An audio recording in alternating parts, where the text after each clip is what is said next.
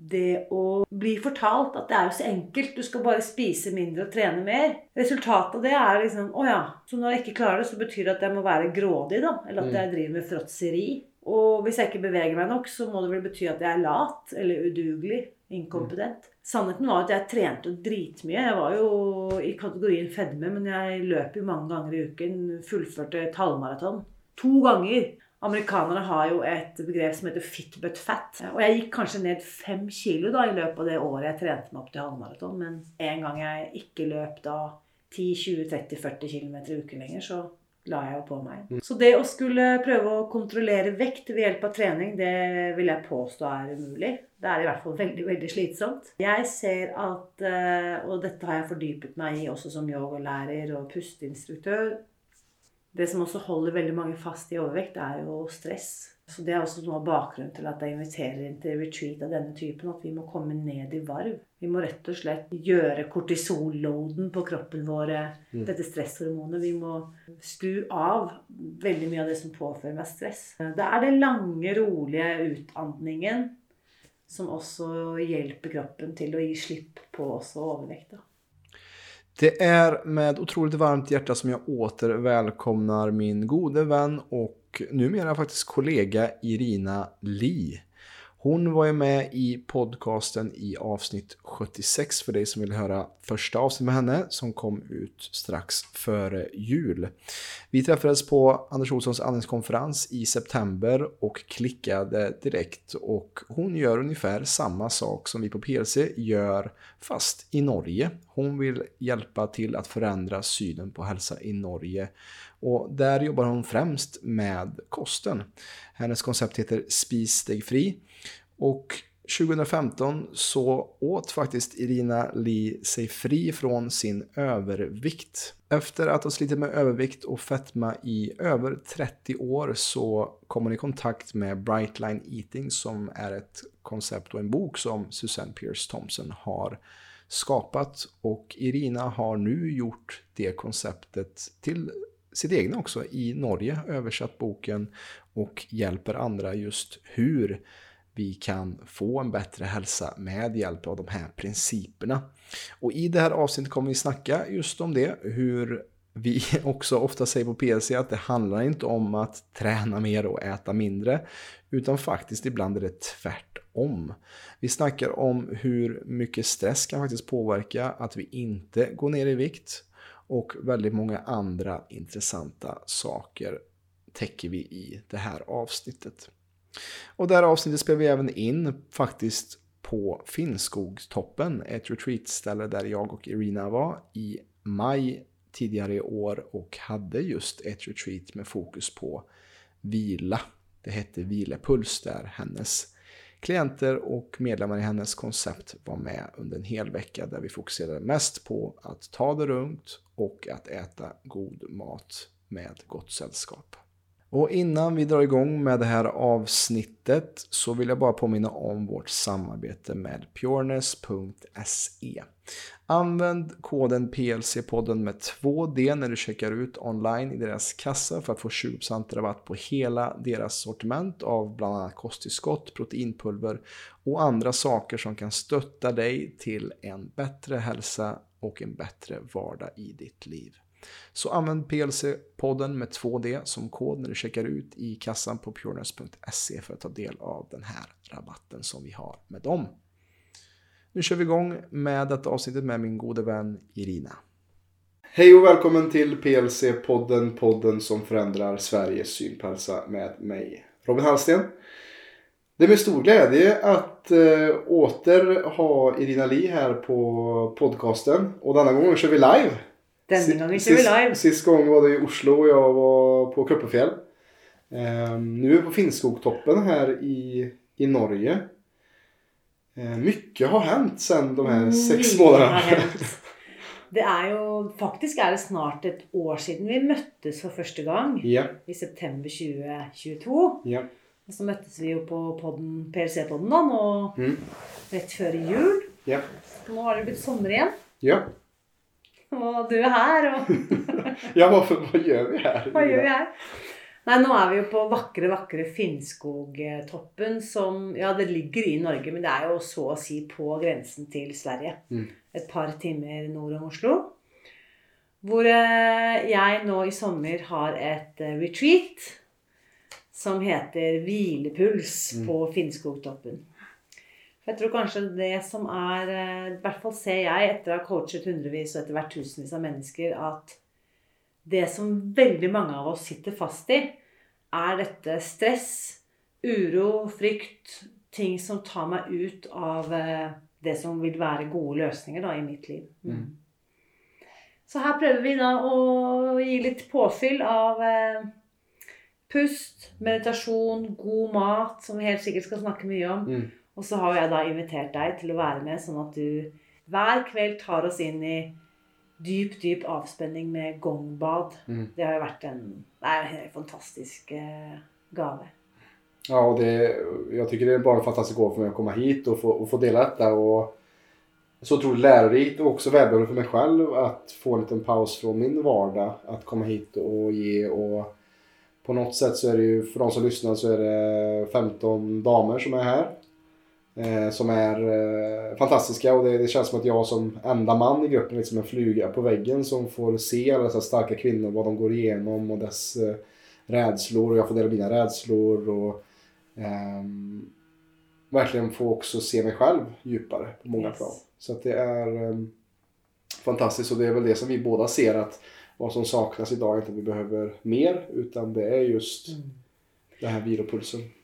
Stanna opp, få tid til å revurdere, eller vurdere hvor er jeg, hvor er jeg Mm. på vei hen. Hva kanskje jeg ikke bare vil være dette hamsterhjulet som bare This rat race, ikke sant? Hvor jeg Mm. bare blir dratt videre til ting jeg kanskje ikke selv har valgt, eller kanskje jeg ikke selv engang ønsker.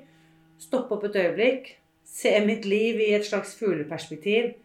Så kanskje ta noen klokere valg da, basert på det. Ja, jeg tror også mange bygger opp sine liv också med att man ställer upp stegen man klättrar på åt fel håll eller fel vägg. Ja. och så inser man, inser man att oj det var inte det här jag skulle göra för att det kanske är ens föräldrars betingning eller andra saker som, som styr en. Ehm, och det är så intressant att se alla de här eh, breakthroughs som, som sker på sån här eh, vecka när man har tid att ro ner och ta det lugnt och eh, ge tid för meningsfulla konversationer och bygga ett sorts eh, en gruppdynamik då. Mm. Der det, finns en tillåtelse til å kjenne.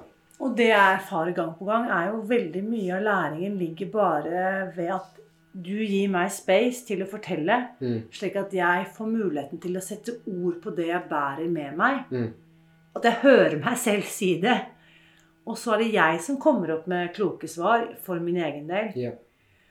Så jeg ser jo også det i gruppen at det vi utveksler Veldig mye av læringen skjer deltaker, deltakeren seg imellom. Ja. Ved at eh, jeg lytter til hva den andre sier, og så reflekterer jeg over Oi, dette er jo også, gjelder jo også meg i mitt Mm. liv. Mm. Så eh, det er det jeg elsker med Holster Retreat, er å skape det rommet hvor vi kan ha mange samtaler gående. Mm. Eh, Så det er ikke jeg som står og underviser enveis, men det er en slags kollektiv utveksling, kollektiv kunnskapsdeling. Ja, det, är något, det är något mäktigt när vi kommer ihop och i ett samhälle som är idag väldigt splittrat eller isolerat. Från, alltså vi är eh, connectade via skärmar och sånt men just det här autentiska mötet med människor. Att få se någon i ögonen som vi har gjort här på retreatet och få höra folks rädslor och framsteg. Det är fantastiskt att se og och vad det bringar. Och det är det som jag tycker är intressant också med det här avsnittet som jag ville göra med dig nu. eh, Rund två eller de- del två utav eh, vad, vad vi har gjort tidigare då. Och för de som vill lyssna så avsnitt 76 var du med. Där vi snackade mycket om eh, ditt perspektiv på hälsa och lite som du har ju också lite samma vision som vi med PLC att förändra Norges syn på hälsa.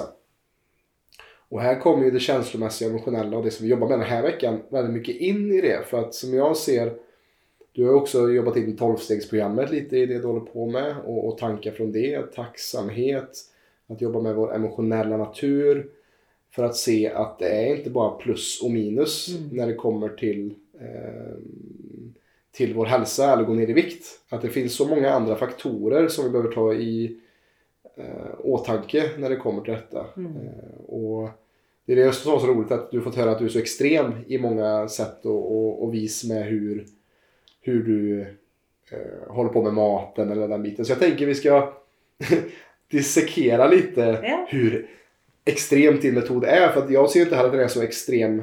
Med moderna mått mätt med hur ohälsosamma vi är idag så kanske det är extremt för gemene man. Men hade du gått tillbaka 100 år så är det inte så extremt egentligen. Eh, och det är det jag tänker att vi ska prata om lite, den här metoden som jag har nu följt nu ett halvår också, sett dina klienter och de du jobbar med och ser otroliga resultat. Mm. När jag var på sommarfesten där på Villa Malla i, utanför Oslo i, i, Mars. i mars, då var det årets drottning, eller vad var det? Årets eh, frihetsgudinna som hadde gått ned 50-60 kilo. 67 kilo. Ja. Så vi kan jo snakke litt om spis deg fri-metoden, da, som Mm. den heter på norsk. Et deg fri, spis deg fri. Som er den eh, metoden jeg underviser i eh, og har gjort nå gjennom de siste seks-syv årene. Eh, bare for å si litt om navnet. Jeg, dette var et, jeg prøvde å finne et norsk navn. Dette er jo et amerikansk konsept som heter Mm. Bright Line Eating. Som jeg selv fulgte i 2015. Gikk ned over 20 kilo og tenkte at denne kunnskapen kan ikke jeg sitte på alene. Den må Mm. jeg dele med alle som trenger det. Så det er absolutt et program og en metodikk som appellerer til personer, og spesielt kvinner som ønsker å gå ned i vekt. Mm. Så det er gjerne det kanskje folk forbinder Spis deg fri med. Det er et vektreduksjonsprogram. Mm. Men det er ikke bare det. Fordi det som du også Du har jo møtt kvinner her på dette retreatet. Denne måten å spise, leve og tenke på hjelper deg også til å spise deg fri fra denne ustoppelige lysten, søtsug, cravings, denne, dette begjæret etter mat. Den eh, svært, svært mange som spiser seg fri fra smerter. Og også mm, veldig mange har et eh, kompenserende forhold til mat, slik at jeg er besatt av et tankekjør, selv om jeg ikke nødvendigvis er anorektiker eller bulemiker. Men jeg tenker kontinuerlig på nå har jeg spist noe, nå må jeg kompensere med å trene. Burde jeg kanskje spise mindre til neste måltid? Dette er, kan være en tankemessig besettelse. Mm. Det er også mulig å spise seg fri fra når vi følger denne planen eller denne metoden. Og for å si litt om vektresultatene, så er jo de oppsiktsvekkende.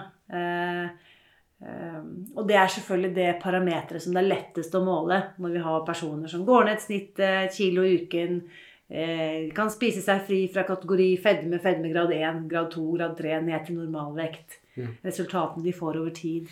Så det er veldig gjerne ofte det vi snakker om, men dette har jo veldig mange andre eh, områder som det også påvirker i livet.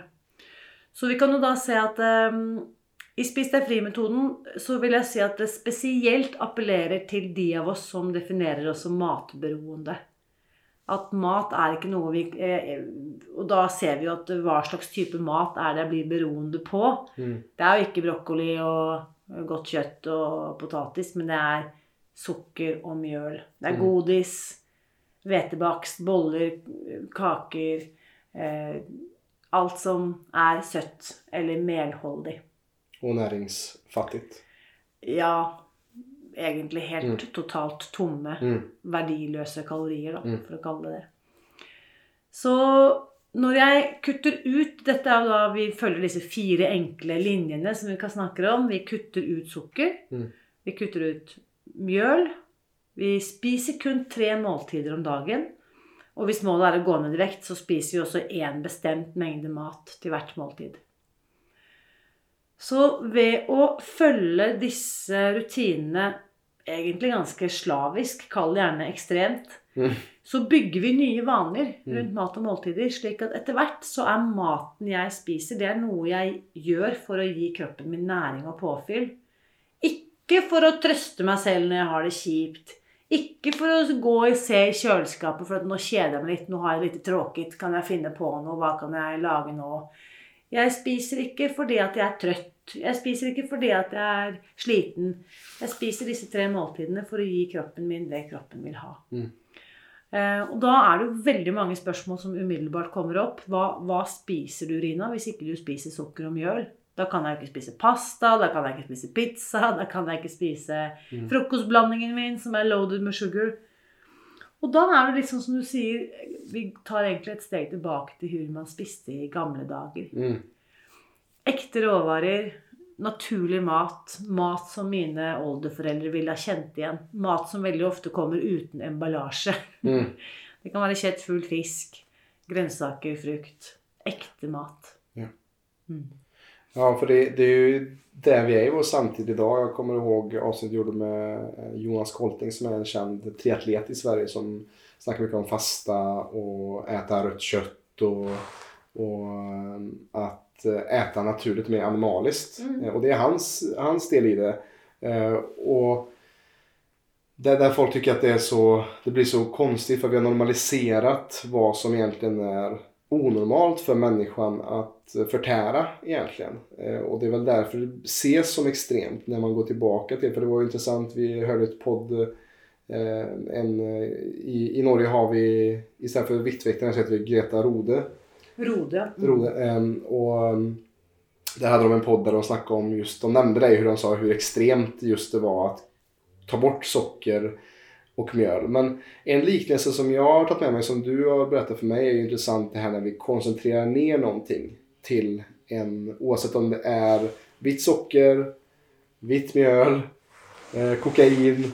Alltså om, om man, eh, kan du inte berätta lite den Ja. liknelsen du brukar ta där för, Ja, at för att få folk att förstå detta? Hvis vi tenker på sukkerroer, Mm. som er det som uh, sukker er laget av Den planten i seg selv Mm. er det ikke noe galt i. Den er full av fiber. Hvis du skal tygge på den, så må du jobbe ganske hardt for å få tak i den sødmen Ja. som ligger i en sukkerroe. Dette er en sockerbeta då på svenske. Ja, en sukkerbete. Um, det samme med melet. Melet i sin naturlige form, i form av korn, som er full av fiber. Den er eh, fra naturens side ganske godt beskyttet, så du må jobbe ganske hardt for å få tak i den, de næringsstoffene som ligger der. Men idet du begynner å gå til eh, Og det samme hvis du ser på da en kokaplante. Mm. Så nå har jeg aldri tygget en cocaplante, men jeg har skjønt at de som har reist rundt i Amazonas, du kan tygge og tygge og tygge. Og kanskje får det en litt sånn bedøvende effekt, eller kanskje litt som å tygge på teblader, eller Mm. det er en liten stimuli i det. Mm. Nesten som kanskje ta en snus. Mm. Um, men det er ikke før du går til den indre essensen av coca-planten, Mm. og kommer da og gjør dette til et pulveriserer denne kjernen til et fint, hvitt pulver. Mm. Det er da kokaplanten får sin eh, Blir så veldig, veldig potent. Mm. Det samme kan vi se med sukkerbeten eller kornet. Det er når vi pulveriserer denne indre essensen til et fint, hvitt pulver, at den gir umiddelbar effekt på kroppen. Mm. Og det, en, eh, og det samme med opiumsvalmue. Det er først når du på en måte konsentrerer og ultraprosesserer og pulveriserer denne kjernen, at du får heroineffekten. Så råvarene i sin naturlige form, de er ikke skadelige for oss. Eh, det er når vi prosesserer og mm. på en måte optimaliserer, konsentrerer eh, sødmen, som at dette her blir veldig, veldig potent. Ja. Og hvis vi ser på hjernen Det er jo det som på en måte appellerer så veldig til meg med denne metoden, er at alt er basert på vitenskap, eh, psykologisk forskning. Eh, Det er en doktor i psykologi som heter Susan Pierce Thompson, som har samlet denne kunnskapen, eh, som jeg da også har oversatt og brakt videre til på norsk. Og når vi ser på hjernen, så har vi kun ett belønningssenter. Dette såkalte nucleus accumbens, som er det belønningssenteret som blir stimulert hvis du tar kokain eller drikker alkohol, Mm. ser på porno, går på shopping eller spiser mat. Så det betyr at noen av oss Forskerne antyder at det kan være snakk om 30% Vi har en eh, dispon, disposisjon. Ehm, vi er skapt på en måte som gjør oss svært mottagelige for beroende eh, stimuli. Mm. Slik at eh, Og her er det kanskje flere som kjenner seg igjen. At jeg føler at jeg kan bli beroende på alt. og da er det sånn at eh, hvis jeg skal kurere mitt beroende, hvis det er alt snakk om alkohol eller kokain eller nikotin eller hva det måtte være, så funker det ikke hvis jeg bare prøver å moderere meg. Mm. Som er det alle andre på en måte metoder ber deg om. ikke sant? Spis bare litt mindre. Mm. Ikke spis så mye. Bare ta litt. Men hvis jeg som en beroende forsøker å spise litt sjokolade, så funker ikke det. Mm. For hvis jeg spiser én bit, så vil jeg ha resten av den platen. Mm. Og når den platen er tom, så skulle jeg ønske at jeg kunne spise mer. Og det samme med alkoholikere. Vi har jo sikkert alle noen i bekjentskapskretsen, eller kanskje vi også har kjent på det selv. Tar jeg først det første glasset, så har jeg bare lyst til å fortsette å drikke. Og du vil ikke bedt en alkoholiker om å skjerpe seg og bare drikke litt. Du ville ikke servert alkohol til en alkoholiker. Ja. Um, det er ikke ekstremt. Det er bare basert på erfaring at det går ikke bra. Mm. Uh, og det samme appliserer vi da i forhold til maten. At jeg spiser ikke sukker og mel. Eh, for jeg vet at kroppen min og jeg fysisk og hodet mitt og følelsene mine har det så mye bedre hvis jeg Mm. er avholdende. Eh, og det er mulig. Eh, og vi er, og du ser det jo, mange mange her som gjør det. Og Mm. etter hvert tusenvis og sannsynligvis millioner av mennesker over verden som følger denne Mm. metodikken. Ja, och, och när det kommer till socker så är det ju socker i den mest raffinerade formen. För du har till exempel fruktsocker, alltså frukt får man äta. Vi spiser frukt, Mm. vi drikker melk, melkesukker. Det er jo naturlig fremkommende sukker òg. Men Ja. hvis du tenker deg en appelsin da, for eksempel, i Mm. fruktsukkeret Det som er med den appelsinen, den er jo veldig godt pakket inn. Har masse fiber, og du har dette her Mm. bindevevet, dette hvite greiene mellom appelsinbåtene, som er på en måte appelsinens bindevev. Mm. Så du kan tenke deg at eh, når jeg spiser en appelsinbit, så tar det ganske lang tid før kroppen min med enzymer og spytt og alt av fordøyelse som setter i gang med en gang jeg putter den i munnen Det tar ganske lang tid før jeg har klart å ekstrahere sukker fra denne appelsinen, Mm. slik at det påvirker blodsukkeret mitt mye saktere Mm. enn hvis jeg skviser denne appelsinen, bare juicer den, tar ut all saften, og Mm. så drikker den ned, så er det som om jeg drikker cola. Altså Ja, kroppen er jo den Ja. Effekten er jo umiddelbar akkurat på samme måte. Yes. Mens vi spiser da matvarene og frukten også i sin naturlige hele form. Uten å juice, blende, knuse, tørke. Men vi spiser da hel, Mm. fersk eller ja, fersk frukt. Ja.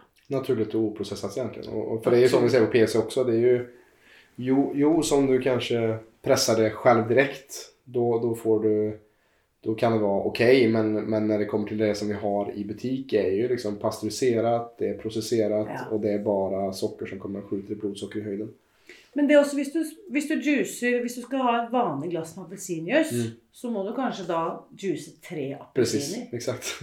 Så eh, det er jo helt unaturlig mye mengde mat eller Ja. næringsstoffer. Ja.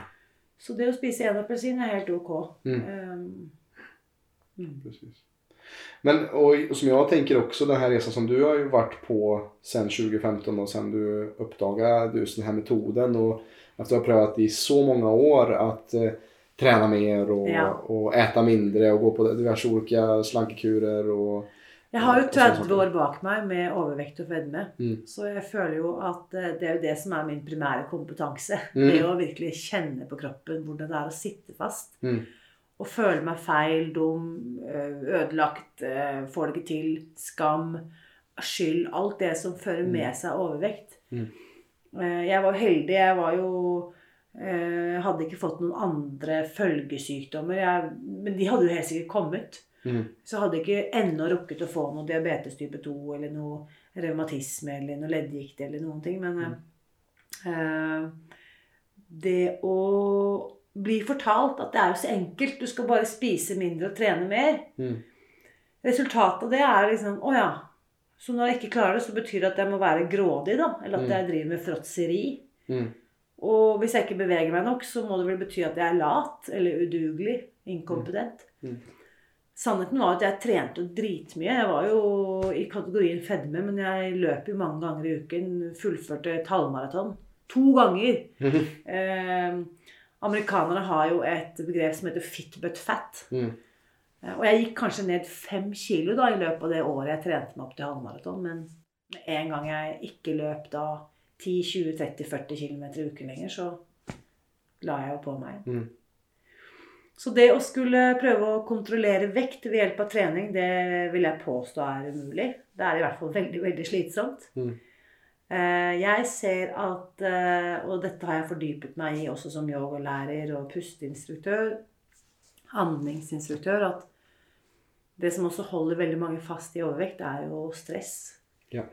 Eh, Så det er også noe av bakgrunnen til at jeg inviterer inn til retreat av denne typen, at vi må komme ned i varv. Mm. Vi må rett og slett gjøre kortisolloaden på kroppen vår, Mm. dette stresshormonet. Vi må skru av veldig mye av det som påfører meg stress. Mm. Som, eh, det er den lange, rolige utandningen som også hjelper kroppen til å gi slipp på også overvekt. Just det. Mm. Men det er som Anders som er vår gemensamme nevnere, nämnare och det var ju han som var här förra året så det känns kul att, att, att jag Ja. är i hans plats. Det känns väldigt hedrande med, med det namnet.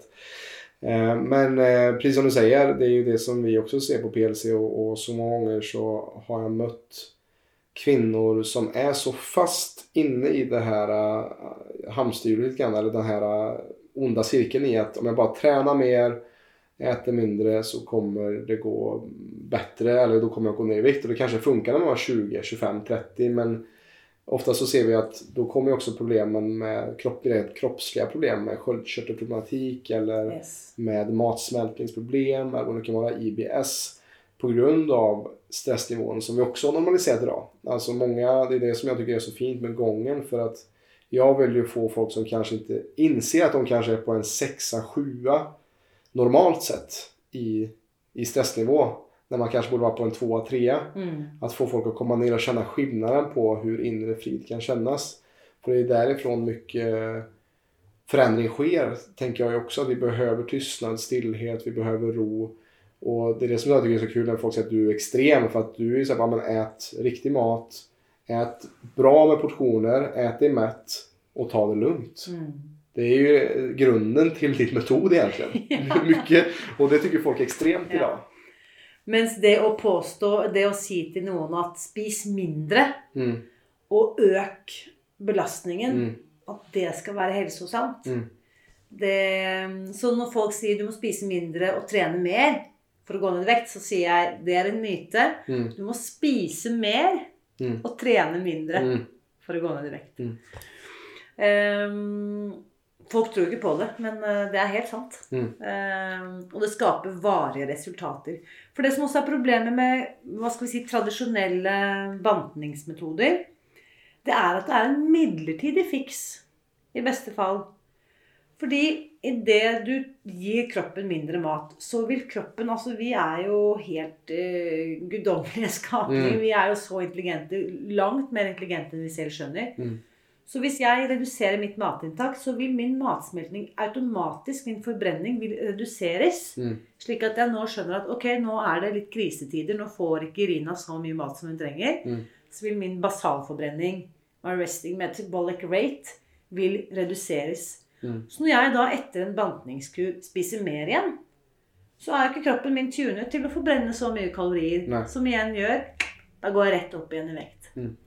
Og det samme med mer trening. Kommer i et høyere stressnivå i kroppen. Får mer adrenalin, mer kortisol. Mm. Som også gjør det vanskeligere for meg å fordøye maten og ta til meg de næringsstoffene jeg trenger. Så det blir egentlig en tap-tap-situasjon. Det er litt interessant eh, Man har jo nå 40 år med data på denne metoden, som har kommet med ulike navn, men konseptet er det samme. Spis mindre, tren mer. Mm. Og da har man sett i en gruppe med 100 overvektige, så er det én person som i løpet av ett år kommer ned i normalvekt Mm. ved å spise, spise mindre og trene mer. Mm. Og så lager man et nytt utvalg da med 100 nye av disse som faktisk har klart det. Mm. Og så ser man etter syv år hvor mange har bibeholdt sin normalvikt. Mm. Én person. Mm. Så det betyr av de 10 000 som starter her i dag, så vil det være én person om syv år Mm. som har bibeholdt sin normalvekt. Og hvis du da ser liksom én av 10 000, det for meg er definisjonen på umulig. Mm. Det går ikke. Så jeg er jo veldig spent på å se når vi får langtidsdata på denne metoden som jeg følger. Jeg vet at eh, korttidsdataene har, er vist at det er 80 ganger mer effektivt Mm. enn sammenlignbare eh, interventions over ti uker, da, som vi jobber med. Ja. Og så får vi se over tid. Eh, Ja, det var intressant. Jag lyssnade på det avsnittet du la ut här för några veckor sedan när du just där firade de här sju åren. Eller att jag är ett mirakel. Eller Jag är jag är en på 10 000. 10 000. Sju år har gått och det är ju eh, otroligt just att se att, att det är sådana siffror. Att, som vi var inne på ett apotek häromdagen om dagen och så, och så gick jag lite och skrattade och tog fram en sån här low calorie diet. Alltså så här, när det kom till vikt och, och hälsa i, i apoteket så är det, liksom, det är det som är dominerande idag när det kommer fortfa- fortsatt. Och lite som du snackade om också om, om socker och den biten hur vi om 30 år kanske kommer se på socker som vi ser på till exempel tobak idag. yes. Eller hur vi kanske kommer se, hur kunde man tänka sådär faktiskt? Ehm, ja, att om, om 30 år så kanske vi ser på socker och kanske vetemjöl och de här processade grejerna precis som vi ser på, som vi ser på tobak idag. För 30, 40, 50 år sedan så var det läkare var på till och med reklampelaren för Camel. Your local doctor smokes Camel. Alltså det är ju helt vanvettigt egentligen hur, när vi ser på det idag. Alltså, hur kunde det ens vara möjligt att man med, med propaganda egentligen eh, gjorde saker normaliserat. Någonting som vi idag vet inte är bra för oss. Men det tror f.eks. også med tobakken, som ikke skal undervurderes Effekten av at jeg har noe å holde fast i, Mm. og som Anders Olsson også har snakket om, når du røker, hvordan du faktisk automatisk forlenger ditt din utandning. Mm. Slik at du har noen Altså tobakken har en funksjon Mm. utover det å tilføre kroppen nikotin. Ja. Som selvfølgelig gir deg en fysiologisk eh, reaksjon, det òg. Men vanen ved å ta meg en fem minutter, stå utenfor kontoret, ta meg en sigarett Det gir meg en mulighet til å spenne av og andas. Ja. Og den funksjonen ved maten er også veldig viktig. Den gir deg faktisk et energiløft, denne sukker- og Mm, mm, melbero- eh, mele- inn- eh, melematen, altså mat som inneholder mel eller sukker. Du får faktisk et energiløft. Du blir faktisk lykkeligere Mm. på kort tid. Og den døyver ned det du måtte ha av ubehagelige kjensler. Mm. Så det er akkurat dette her. Hvordan skal jeg erstatte den effekten maten gir meg? Jeg må finne nye strategier i møte med meg selv. Hvordan skal jeg takle kjedsomhet som stiger opp? Eller følelsen av ensomhet? Hvordan skal jeg håndtere disse kjenslene uten å bedøve meg selv med mat? Og det er det veldig mye av det jeg underviser om, handler. Mm. Møte meg selv med andre verktøy enn mat. Hej allihopa! Jonas här. Då jag vet att många i samhället upplever utmaningar kring sin hälsa men inte riktigt fått hjälpen de behöver så har jag lagt upp ett kostnadsfritt webbinar för dig som inte är medlem. I detta webbinar kommer jag prata om vanliga grundorsaker bakom konstant trötthet, låg energi, sömnsvårigheter, magbesvär och värk. Och du kommer även få mer info om hur vi på PLC jobbar för att åtgärda detta. Du hittar mer info om webbinariet i beskrivningen till detta avsnittet. Men med det sagt så tackar jag för mig. Tillbaka till dig Robin. Ja, för den här veckan har ju inte handlat så mycket om så här mycket broccoli ska vi äta, så här mycket yoghurt kan vi äta eller vad det kan vara. Utan det har ju varit mer, mest fokus på det inre. Och det är det som jag tycker är så intressant när vi lämnar den optimistiska synen på vår vikt och vår hälsa i att plus minus, eh, träna mer, äta mindre. Så inser vi också att i vår vikt så finns det också liksom när man går ner i vikt så är det också något, man, man ger plats för någonting för sig själv kanske att växa in i någonting. Att det, det skapar en form kanske av disciplin, en mer eh, medvetenhet kring sin kropp. Och att så må- många som vi eh, har här nu den här veckan märker också att när jag har gått ner i vikt så kommer också känslor upp av Yes. otrygghet eller jag kanske har bedövat en känsla av att inte vara tillräcklig eller att jag inte vill bli sedd med att undermedvetet göra mig tjock. Men det er også noe med den selvkjenslen, da, for å kalle det det. Når jeg hadde 20-30 kilo polstring, Mm. altså fett på Mm. kroppen, så var jeg heller ikke så mottagelig. Nej. Jeg var ikke så var Eh, Vi har brukt et eksempel med å kunne se på nyhetene og sitte og se på all verdens død og elendighet. Og det prellet på en måte av. Men i det å at kroppen blir mindre, så kjenner jeg også at jeg er mer sensibel. Mm. Og det handler jo også om at jeg på en måte har blitt bedre kjent med mitt indre. Mm. Så i det som veldig mange overvektige opplever, er at åh gud, kroppen min er så stor, jeg vil ikke synes. Mm. Og så blir kroppen mindre, og så kan mennesket tre tydeligere frem. Mm. For jeg er ikke min kropp. Mm. Jeg er jo min person. Um, jeg blir mer Jeg blir tydeligere i møte med meg selv og andre. Det innebærer også at veldig mange blir flinkere til å sette grenser. Takke nei. Stå opp for meg selv. Ikke finne meg i hva som helst. At jeg på en måte Mitt egenverd blir styrkt, da. Mm. I å ta bedre vare på min fysiske kropp. Det syns jeg er en spennende prosess.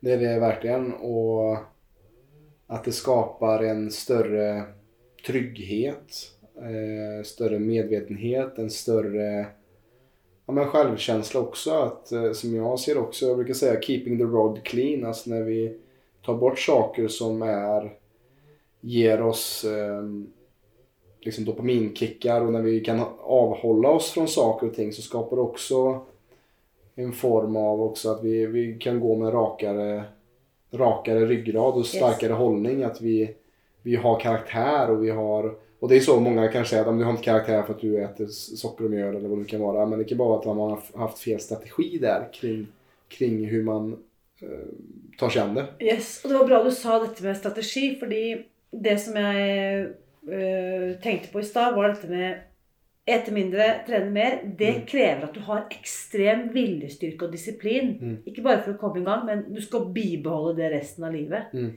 For du på en måte jobber mot din egen kropp og mot Mm. din egen hjerne. Mm. Men det som er så fantastisk med dette her, er at når vi bygger disse nye vanene, lærer oss å sette sammen måltider slik at jeg gir kroppen det kroppen vil ha, Mm. som gjør at jeg har et stabilt blodsukker, som jeg uten problemer kan vente fire-fem timer til neste måltid, Ja. Og så avslutte maten kanskje fem-seks på kvelden, Mm. så gjør det at disse nye vanene, det er det som bærer Mm. meg videre. Mm. Så jeg er ikke lenger avhengig av viljestyrke. Mm. Det blir rett og slett en ny identitet, en Mm. ny livsstil. Mm. Ehm, og det tenker jeg jo er en stor grad av suksessformel for de som lykkes. At de virkelig omfavner dette som en ny måte å leve på. Mm. Ja, och det, är så inspirerande att se också. Alltså att se det arbete som du har gjort och hur du också går mer och mer in i eh, fläta in andra saker som du har lärt dig längs med din nu sju år, åtta år till och med på, med din eh, personliga utveckling kring detta.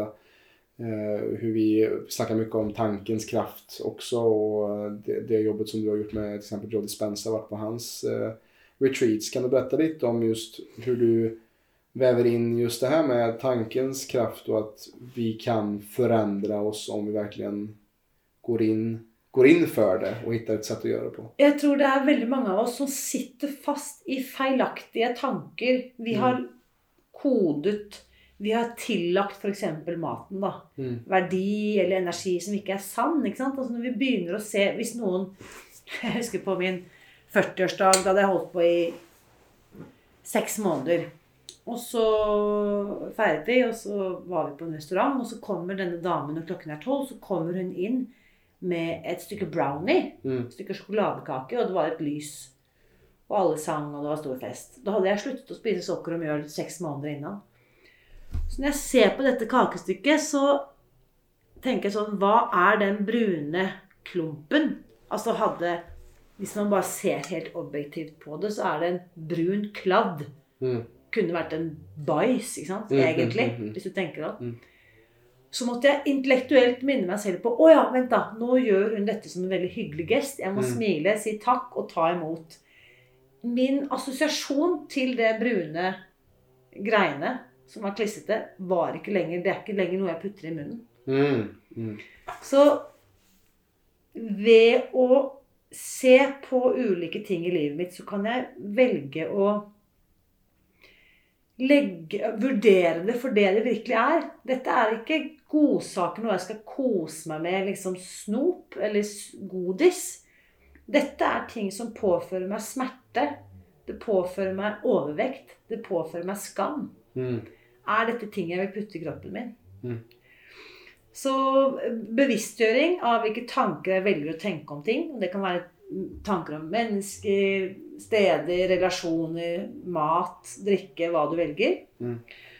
Og så vite det at eh, det jeg velger å gi oppmerksomhet til, det er der energien min går. Mm. Så jeg kan i mye større grad velge hvilke tanker jeg vil ha, for å bestemme hva slags følelse jeg vil ha. Ja. Det er litt eh, kanskje vanskelig å få tak i, men jeg vet at tankene mine skaper følelsene mine, som igjen avgjør handlingene mine. Og da kan det enten være en negativ spinn. Ja, jeg føler meg dårlig, jeg er ikke verdt noe, jeg er ensom, jeg er utrygg. Får en følelse av utenforskap, ensomhet. Det må døyves, og handlingen gjør da at jeg velger å spise noe, f.eks. Mm. Men la oss si at eh, jeg velger å bruke ti minutter på starten av dagen min til å meditere, lytte, vende oppmerksomheten mot alt jeg er takknemlig for i livet mitt, hva som motiverer meg, hva jeg har lyst til å oppleve denne dagen. Jeg kommer i en følelse av glede, forventning, kjærlighet, Mm. optimisme. Som gjør at når jeg kommer tilbake inn i, i hverdagen min, tar bedre, klokere, smartere valg. Mm. Så vi kan velge hvilke looper vil jeg være i. Vil jeg være i den nedadgående spiralen som gir meg Og jeg vet hvilke resultater det er, og det blir bare verre og verre og verre. Eller vil jeg velge å være i en oppadgående spiral hvor egentlig hva som helst kan skje. Mm. Mm. Ja, det er det som er så interessant å se den reisen du varit på. at Jeg tror ikke du hadde sett deg selv är just nu for åtte år siden når du starta den här uh, Spis deg fri-reisen. No way. Ehm, och som en av de största takeaways som, som, jag tog med mig. Jag vet vi hade någon skrivövning där på Villa Malla i, i eh, mars. Och där var, då, då skrev jag ner på ett papper så här, vad är en av de största takeaway från idag? Då skrev jag att One woman can change the world. One woman can change the world. För det var så inspirerande att se dig och det arbete som du har gjort med dig själv gör att det kan översättas till att när vi väl tar kontroll över våra liv och hjälper oss själva så gör det också att det skapas kanske en, en eld i oss själva att shit jag vet hur många som sliter med detta som behöver hjälpen och att om man bara ser på de eh, ringarna på vattnet som det arbetet du har med de 50 personer som vi har här men också de tusentals som du jobbat med och de hundratusentals som lyssnar på din podcast exempel så är det väldigt intressant just hur mycket ska en starta med en människa? Og, og, det, og det mener jeg, det, og den kraften har vi alle sammen. Ja. Og det jeg også tenker på, når du i forlengelse, tusen takk, og, og i av det du sier, er at når jeg endrer meg, Mm. så endres hele verden. Ja. Og det er helt sant. Mm. Fordi det som er reelt da, i min verden, er jo det jeg velger å gi oppmerksomhet og energi til. Mm. Så idet jeg tar bedre vare på meg selv, så ser jeg plutselig hvor fantastisk grønne trærne er. Så er jeg plutselig oppmerksom på alt jeg er takksom for. Så får jeg plutselig assosiasjoner til å, nå lenge siden jeg snakket med Robin, min gode venn. Plukker opp telefonen og ringer til deg. Mm. Hele, hele verden endres. Mm. Mens når jeg er i en nedadgående spiral, tykker synd om meg selv, så egentlig det jeg gjør følelsesmessig, jeg bare tiltrekker meg mer av det som man kan bekrefte at verden er vond og vanskelig. Mm. For det er jo det eh, hjernen vår automatisk gjør. Den søker bekreftelse for å bekrefte min identitet. Mm. Så ved å bli bevisst disse tingene og catch myself Det er ikke det at jeg flyter rundt i en tilstand av bliss, men bare «Mm, Nå kjenner jeg Mm. at jeg er på et dårlig sted. Hva kan jeg gjøre for å løfte blikket? Mm. Hva, hvordan kan jeg ta meg ut av denne tilstanden? Hva kan jeg fokusere på utenom meg selv, som gjør at jeg kan være av service istedenfor å være så veldig egosentrisk og sitte her og synes synd i meg selv. Mm.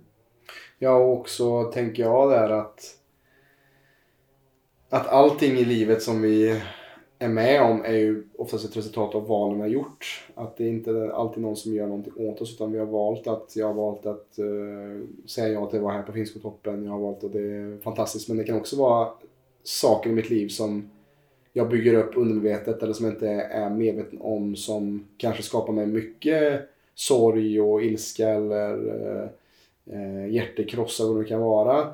Men att veta att man är i varje ögonblick ansvarig för sin egen upplevelse av vad man ser som du säger. Eh, som är intressant också att du jobbade i, i mediasfären och som journalist i så många år. Och båda du och jag, vi kollar ju inte på nyheter idag. Men du har ju ändå, du jobbade ändå i, du var liksom entrenched, du var verkligen i... Alltså den, hvis man kan snakke om en 180, altså jeg mm. har jobbet som nyhetsjournalist i de største redaksjonene i Norge. Mm Eh, reist verden rundt som journalist, vært krigskorre. Mm, mm. Um, hvor jeg i dag bare skjønner Den type programmering mm. vil jeg ikke utsette meg for. Nei. Jeg beskytter meg mot det. Jeg har iverksatt tiltak sånn at jeg ikke eh, utsettes for nyheter. For det er, er, det én ting jeg vet, så er det noe som får meg til å føle ubehag, gjør at jeg blir redd, bekymret for fremtiden. Det er hvis jeg sitter mm. og ser på nyhetene. Mm. Det har ikke jeg behov for. Nej, att vara ständigt till Och det var, kom upp igår när vi pratade i, i cirkeln här som vi hade. Och någonting som jag inte delade men som jag läste precis i, i en bok som heter uh, Stillness is, is Key. Eller The Stillness is the Key av Ryan Holiday. Där har han många kända exempel på ledare och sånt och hur de har kunnat hålla sitt lugn i svåra situationer. Och då tog han upp Napoleon. att Napoleon när han fick ett brev så öppnade han inte brevet förrän efter tre veckor. För att oftast hade det som brevet handlade om det hade redan löst sig under de tre veckorna. Det var inte så viktigt. Vad som kan vara viktigt eller som att jag måste ju veta vad som händer klockan åtta på morgonen och klockan nio på kvällen. Vad är det som händer i världen? Men frågar du gemene man, okej okay, du kollar på nyheter varje dag. Vad sa de för två dagar sedan? Eller vad sa de för fyra dagar sedan? Eller vad var på nyheterna för sju dagar sedan? Eh, då är det oftast inte att folk kan komma ihåg vad det var utan man är liksom beroende av den här uh, mycket skrämselpropaganda. Där man, man, man, skapar, eh, man skapar mycket... Man, man tar det värsta av det värsta. Ja. Fear porn mm. er det noe som heter. Mm. Fryktporno. Mm. Og det som ikke kan undervurderes, er at kroppen vår, hjernen vår, er også addicted til å søke til fare. Mm. Det er derfor hjernen vår holder oss i live, for den kan forutse alle mulige slags potensielle farer. Ja. Men det gjør også at eh, hvis den får noe å knagge seg på, så det utskiller da eh, hormonell respons. ikke sant? Og så blir det signalisert ned til binyrene at nå skjer det noe skummelt. Du får et kick av eh, adrenalin som gjør deg mer årvåken i en tilstand av fight or flight. Du er eh, klar til å ta et angrep når som helst. Mm. Lytter etter fare. Så denne typen kjemisk respons i kroppen kan du også bli beroende av. Mm. Så det gjelder å være litt sånn bevisst. Mm. Medveten på hva er det Hva slags kjemiske reaksjoner utsetter jeg kroppen min for? Mm. Og hva ønsker jeg å fylle på med? Mm. Ja, du må gjerne shoot up, liksom. Kortisol, adrenalin og alt Kortisol og noradrenalin og ja. alt dette her. Uh, be my guest. Mm. Jeg er, jeg er ferdig. Jeg er uh, in recovery. Mm. Verkligen. Och Irina, jag tänker vi ska runda av alldeles strax här. Men jag tänker så här, det har gått åtta år på den här resan med Spis det fri. Och det är nog någonting som du inte ens skulle ha drömmat om vad, vad du gör idag. Vad, vad tror du det är om åtta år framåt? Eller, vad, Olala, det är ett väldigt gott vad, vad, vill du, vad vill du göra och skapa framåt? Nei, jeg tror veldig mye av det vi har snakket om, og det jeg også har skapt med Anders Jeg tror det handler om Vi må skape communities. Vi er, no, no man is an island to mm. himself. Mm. Så jeg tror det å koble meg på, finne andre gode mennesker i mitt eget liv, men også mm. dele den kunnskapen, for vi er etter hvert så mange som sitter på enorme ressurser og kunnskaper. Så vi må på en måte mm, også bli et eh, mediekonglomerat, for å kalle det det. Mm. mm. Og bruke podkast, YouTube, andre eh, kanaler, og ikke minst komme sammen. Og være med å spre kunnskap. Mm. For jeg tror når intensjonen er å hjelpe å gjøre denne verden til et bedre sted, så er det noe som kommer til å vinne frem. Mm. Eh, se på naturen. Alt som er godt og friskt, det vokser. Ja, precis. Og blir større og større for Ja. hvert år. Ja. Så jeg har ikke lagt noen sånn uh, tak på hvor jeg er, eller hva jeg gjør. Jeg bare er med på Jeg hadde ikke planlagt å være her, så hvem vet hvor jeg er om uh, åtte år. Ja, men det är det som jag tycker är intressant när man skal sette et mål for noe, så er det så at man skaper fra en begränsad plats av ens förflutna när man blickar framåt. Vilket är, det kan begrense oss när vi ska drömma Yes. och bara fokusera på detta Mm. ögonblicket just nu. Hur kan jag göra detta så bra som möjligt? Hur kan jag göra den här dagen så bra som möjligt för att skapa möjligheterna för att min framtida jag ska kunna skörda framgång eller skörda lugn och ro och, och balans. Men det som er en sånn kompassnål for meg, dit jeg går mot, det er faktisk ubehaget mitt. Mm, mm, Der jeg kjenner motstand eller bare 'Å nei, det tør jeg ikke', mm, så pusher jeg gjennom. mm. For det har jeg opplevd så mange ganger, så mange år på rad nå. Eh, det, der hvor jeg kjenner at 'Å, dette er skummelt', i utkanten av min komfortsone. Mm, mm, Det er der jeg ofte går. Mm. Så for å øve meg på dette, dette har vi snakket mye om, så gjør jeg også fysiske øvelser på ting jeg foreløpig ikke behersker. mm, Sånn som denne våren har jeg øvd meg på å stå på hendene.